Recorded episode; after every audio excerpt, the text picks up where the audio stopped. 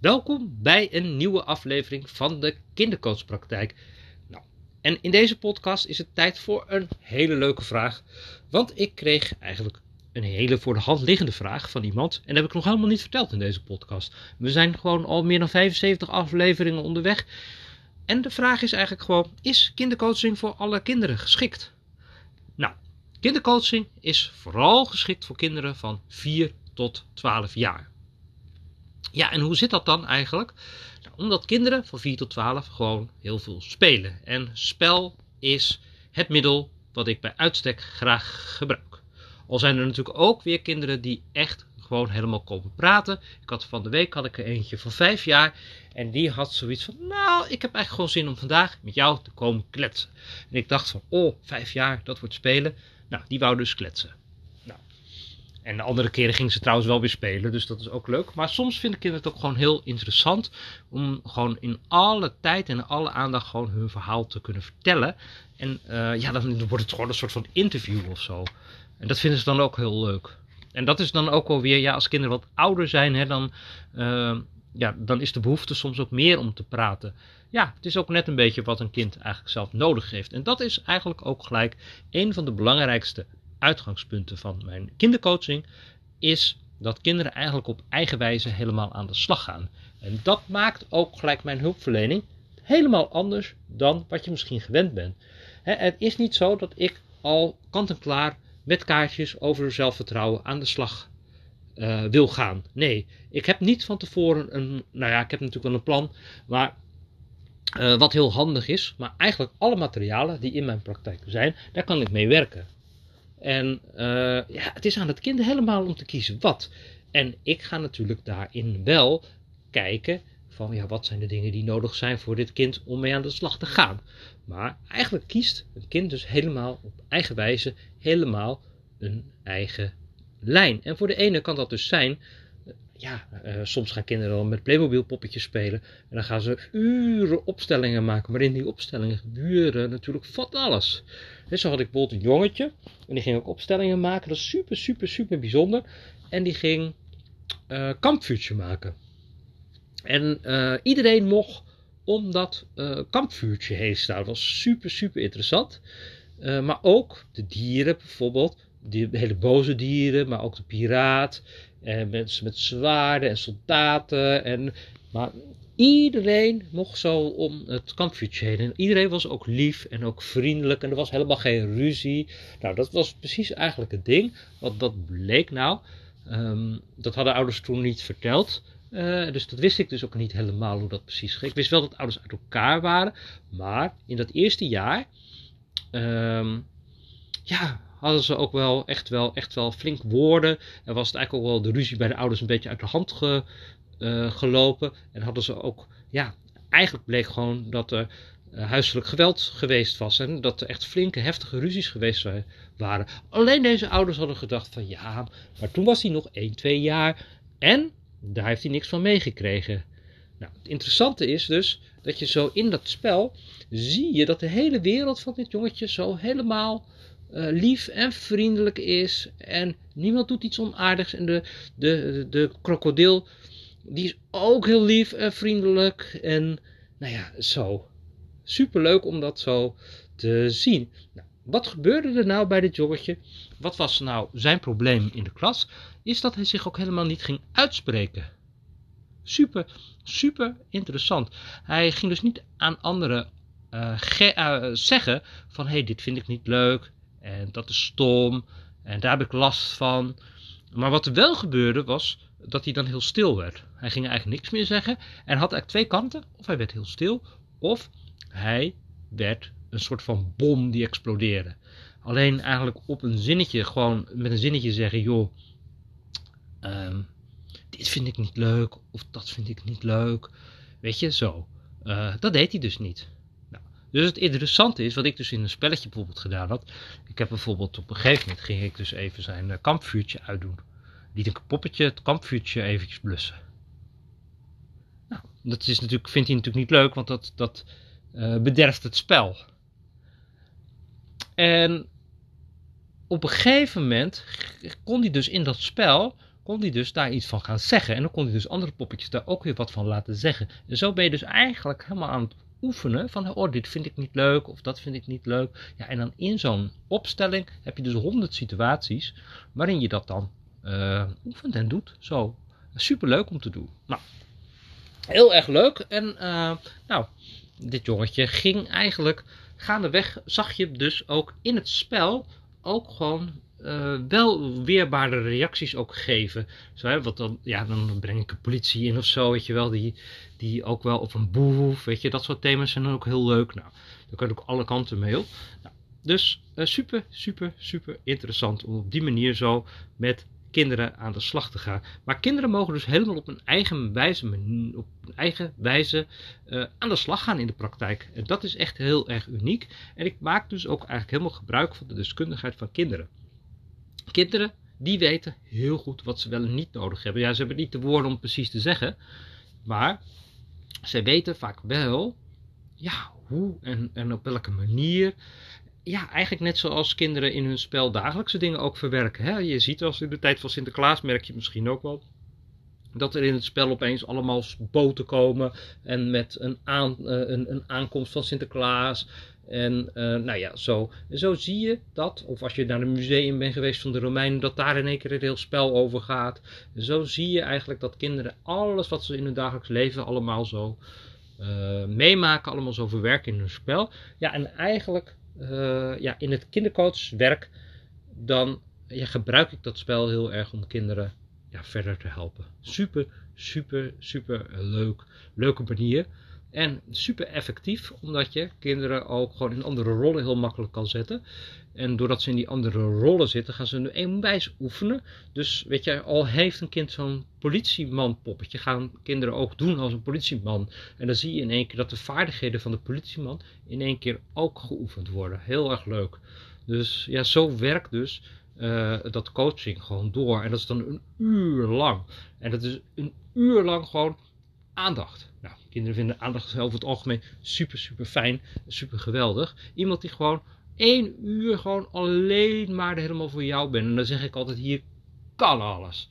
Wow, super gaaf. Je mag natuurlijk niet alles, want ik heb een aantal regels in mijn praktijk, zoals dat een uur een uur duurt. je hebt natuurlijk een, altijd een aantal kinderen die dus willen rekken op het einde. Nou, dat gaat dus niet. Daar ben ik ook heel strikt in. Um, een andere regel is dat kinderen zich natuurlijk niet kunnen uitkleden. Verkleden wel, maar niet uitkleden. Nou, dat gaat ook een beetje om mijn eigen veiligheid natuurlijk. Um, elkaar pijn doen of dingen stuk maken. Nou, dat zijn de dingen die niet mogen. Um, ja, we doen elkaar geen pijn. En ja, soms kan het natuurlijk in een heftig zwaardgevecht of zo, kan het natuurlijk best wel eens een zwaard breken of zo, maar dat, is dan, ja, dat gaat dan niet expres. Dus dat is ook wel heel mooi als dat gebeurt, want dat gebeurt natuurlijk precies bij die kinderen die net de drukte wilt en bij wie alles onhandig verkeerd gaat. Nou, zo. Dus allemaal heel prima. Dus ja, dan gaan we even terug. Hè. Voor wie zijn dan, voor wie is kindercoaching dan geschikt? Is het voor alle kinderen geschikt? Ja, eigenlijk voor alle kinderen is het geschikt omdat ze gewoon van hun eigenheid, omdat ze van hun, um, omdat ze eigenlijk aan, met hun eigen klachten aan de gang gaan, is het voor alle kinderen eigenlijk geschikt. En de therapie en de methode die staat dus niet centraal. Ik ben een integratief kindercoach, dus dat betekent dat ik eigenlijk alle methodes allemaal, dat ik daar van alles uit gebruik. En misschien als je mijn podcast al een beetje geluisterd hebt of als je mij volgt, dan zie je dat ik ook wel NLP dingen doe. Ik doe rots en water heel erg uh, veel. Uh, gebruik ik veel van.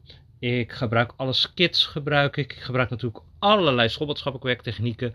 Um, ook allerlei technieken uit de ontwikkelingspsychologie neem ik mee. Dus ja, er zit echt van alles eigenlijk uh, in wat ik door elkaar uh, gebruik. En dat is natuurlijk mega interessant voor kinderen. Ehm, ja, en ik kijk altijd zo van, ja, wat past nu heel erg? Dus ehm, ja, en meestal zijn de kaartjes en zo eigenlijk niet nodig.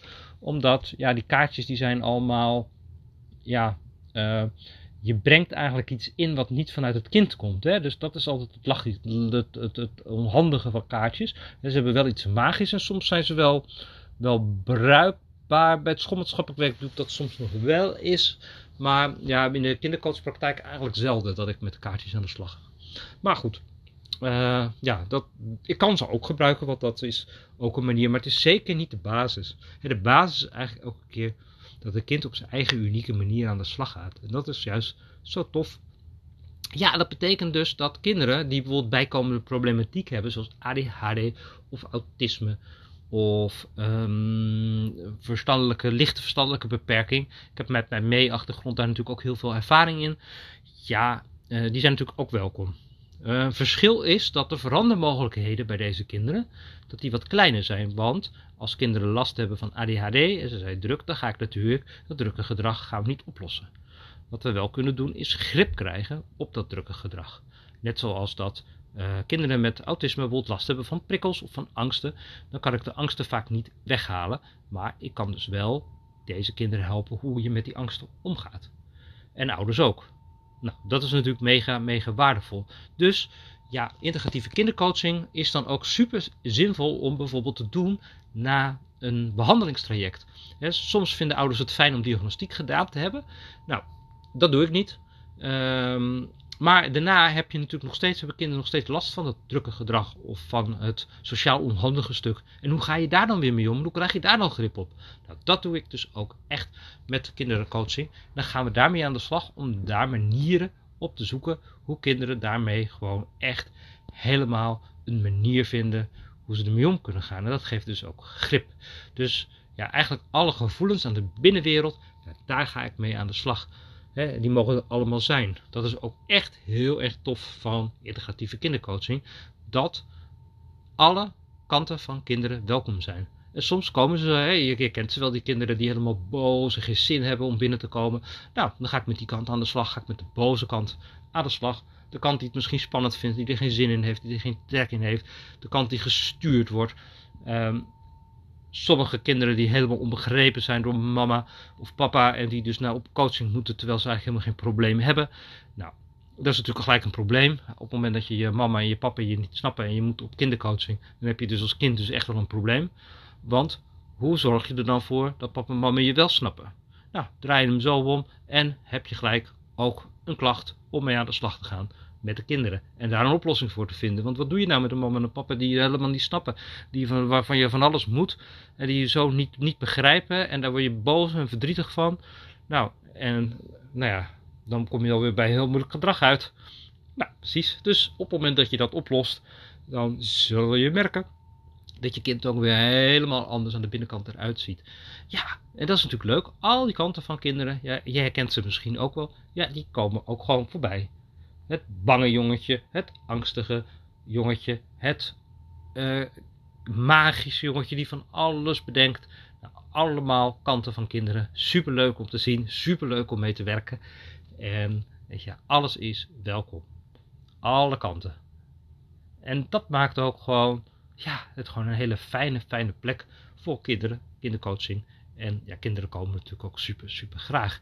Ja, dan zou je zeggen van, Sander, kan je dan echt alles en iedereen helpen? Nou, als je echt een diagnostiek traject aan wil gaan en inzicht wil krijgen in ADHD of iets, ja, dan is dit niet zo handig, want dat doe ik dus niet. Uh, maar dat kan soms wel nuttig zijn om bijvoorbeeld hulp te krijgen voor je kind of om het duidelijk te krijgen van wat er aan de hand is met je kind. Maar denk wel, 1 op 10 heeft baat bij coaching. Dus ja, weet je, um, de meeste kinderen hebben er geen stoornis. Dus ja, dus dat is natuurlijk ook gelijk een ingewikkelde. Ja, soms kan het dan toch handig zijn om uit te zoeken. Maar in veel van de gevallen willen ouders dat ook helemaal niet. En die hebben ook zoiets van, ja, ik heb eigenlijk geen zin in een plakker. En uh, ja, um, ik ben eigenlijk op zoek naar iets waarmee mijn kind echt zelf geholpen wordt. Dus, nou, dat is dus een overweging. En daar kunnen we het in een uh, gesprek altijd even over hebben. Wat daarin handig is. Um, ja, wat is wel onhandig is als kinderen in een vechtscheiding zitten van ouders. Ja, dan heb je eigenlijk ouders die eigenlijk niet veranderbaar zijn. En vaak ook niet met de klachten van de kinderen aan de slag aan het gaan zijn, omdat ze druk zijn met vechten eigenlijk. Hè. Nou, zolang dat gevecht er is, dan kan ik eigenlijk niet zoveel voor kinderen doen. Sterker nog, het is ook eigenlijk af te raden Omdat je vaak ziet van ja, die spanningen die vertalen zich vaak toch in kinderen. En ehm, kan traumatisch doorwerken, dat is één. En uh, ja, ik werk natuurlijk met beeld en met verbeelding. En daar komen die dingen dan ook in terug. En uh, ja, zolang die onrust er eigenlijk is, ja, kan je eigenlijk niet aan de, goed aan de slag met kinderen. Het is eigenlijk zaak dat ouders als collega-ouders gaan optrekken. En dat ze dat gaan doen en dat ze dus echt dat gaan doen wat nodig is voor een kind. Super, super, super belangrijk. Nou, die is niet handig. Uh, een ander stukje is dat er gewoon hele diepe trauma's liggen bij kinderen. Sommige kinderen hebben gewoon zo vreselijk veel meegemaakt. En trauma is natuurlijk ja, een hele ingewikkelde, want we hebben allemaal zowel uh, heftige situaties meegemaakt.